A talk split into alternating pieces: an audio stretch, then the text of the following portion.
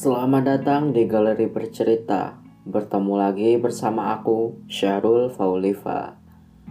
Ngomongin soal terorisme, ekstremisme, dan radikalisme. Beberapa tahun belakangan ini, aksi-aksi teror semakin marak terjadi. Bahkan yang membuat kita terkejut, pelakunya bukan lagi dari kalangan laki-laki dewasa. Terdapat anak-anak di bawah umur, bahkan dilakukan seseorang perempuan. Pertanyaannya, bagaimana hal itu bisa terjadi dan bagaimana cara merangkal diri agar kita tidak terjerumus dalam pemikiran radikal yang ujungnya menjadi pelaku aksi-aksi teror. Aku akan bercerita pengalamanku menjadi bagian dari komunitas keberagaman serta setelah membaca buku istri teroris, korban yang terlupakan, karya Liberty Taskarina. Seperti apa ceritanya? Jangan skip dulu dong.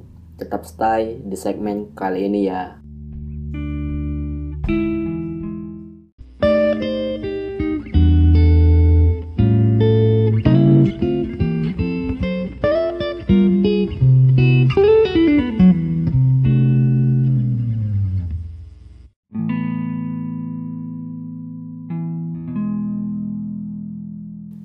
Kasih untuk kamu yang tetap fokus mendengarkan ceritaku. Pertama, aku ingin bercerita tentang pengenalanku bersama komunitas keberagaman. Pertemuanku dengan komunitas keberagaman sebenarnya tidak ada rencana.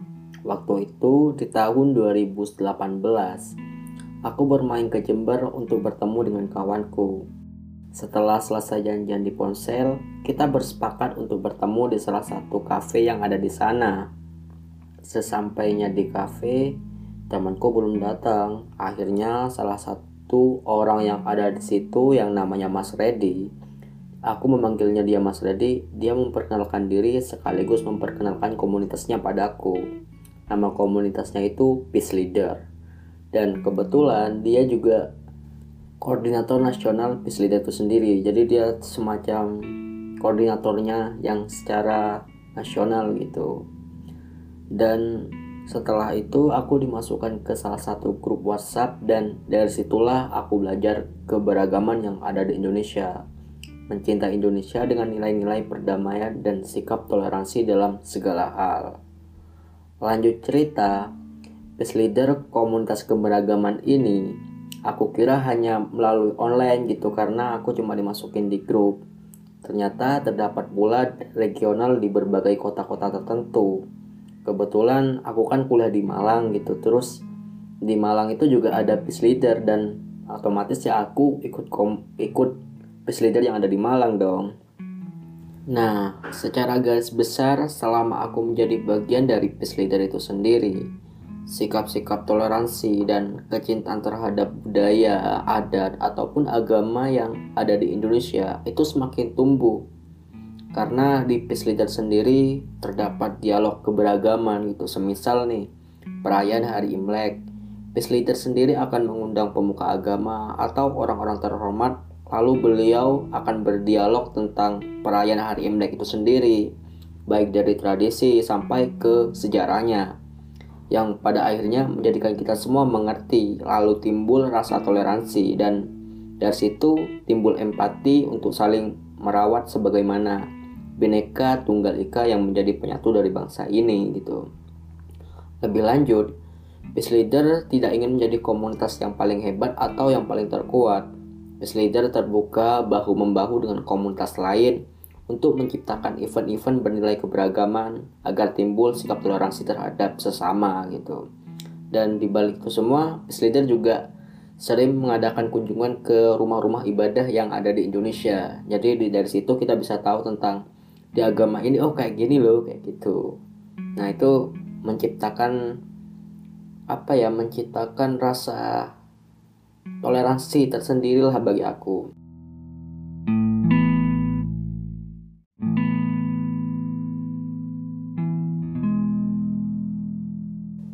Selanjutnya, di tahun 2019, Aku berkesempatan membaca buku Istri Teroris Korban yang Terlupakan Buah Tangan dari Kak Liberty Taskarina Buku ini merupakan hasil tesis dari beliau yang kemudian menjadi buku yang dapat kita baca sebagai pengetahuan ataupun notifikasi berkehidupan menjadi bangsa Indonesia dengan keberagamannya.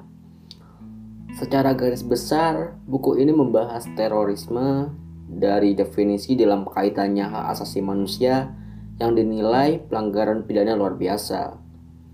Motif munculnya teroris serta keterlibatan perempuan dalam tindakan terorisme. Di dalam buku ini terdapat pula dua kisah perempuan yang menjadi komplotan terorisme yang sebenarnya dia merupakan seorang korban. Sementara di bagian terakhir dalam buku ini terdapat upaya pemerintah atau masyarakat untuk menangkal terorisme dan radikalisme di Indonesia serta peran perempuan dengan kesetaraan gender sebagai langkah utama menangkal radikalisme yang berujung terorisme yang dilakukan oleh orang-orang perempuan gitu.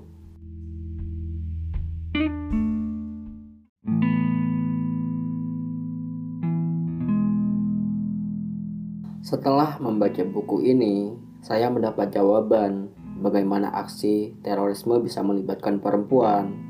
Lebih dari itu, aku mengetahui kenapa terorisme itu bisa terjadi gitu. Dan salah satu faktornya memang dilibatkan dari rasa radikal atau ketidakpercayaan terhadap pemerintah yang berlaku lah contohnya seperti itu contoh kecilnya atau dari salah satu kisah yang terdapat dalam buku ini di mana dalam kisahnya anggap aja si perempuan ini inisial A dan dia memiliki suami inisial B dan ada C yang merupakan koordinator dari kelompok teroris ini yaitu inisial C ya. Jadi suatu ketika itu namanya juga teroris gitu ya kan pasti dijadi buronan dari pihak-pihak keamanan atau pihak-pihak kewajiban yang sudah ada di Indonesia dan secara tidak langsung B sama C ini akhirnya dia kabur lari gitu menjauh dari lingkungan masyarakat agar tidak tertangkap dari pihak keamanan. Ini B ini kan memiliki istri istrinya si A ini. Nah si A ini pertamanya ditinggal dan dia karena memiliki anak dia tetap di kampungnya dan namanya juga istri ya kan pasti ada rasa kangen pada suami gitu kan. Nah akhirnya si istri ini yang inisial A ini dia karena udah rasa kangen gitu dia pamit. Pamitnya tuh cuma satu hari mau ketemu suaminya yang sedang bersembunyi gitu. Yaitu mengunjungi ke tempat B sama C ini yang sedang bersembunyi. Sesampainya di sana si A ini yang merupakan istrinya setelah bertemu dengan si B setelah me, apa yang menuntaskan rasa rindunya dan si A ini sudah berencana mau kembali lagi ke kampung halamannya karena saat itu dia masih memiliki anak yang harus dijaga gitu. Dan ketika dia sudah mau berpamitan mau pergi sama si C ini yang merupakan ketua komplotan si A ini dilarang pergi karena takutnya itu si A ini akan membocorkan rahasia tem tempat dari si B sama C ini bersembunyi dan karena rasa takut itu akhirnya si A ini tetap menetap di situ dan dia melakukan itu sangat terpaksa gitu kan.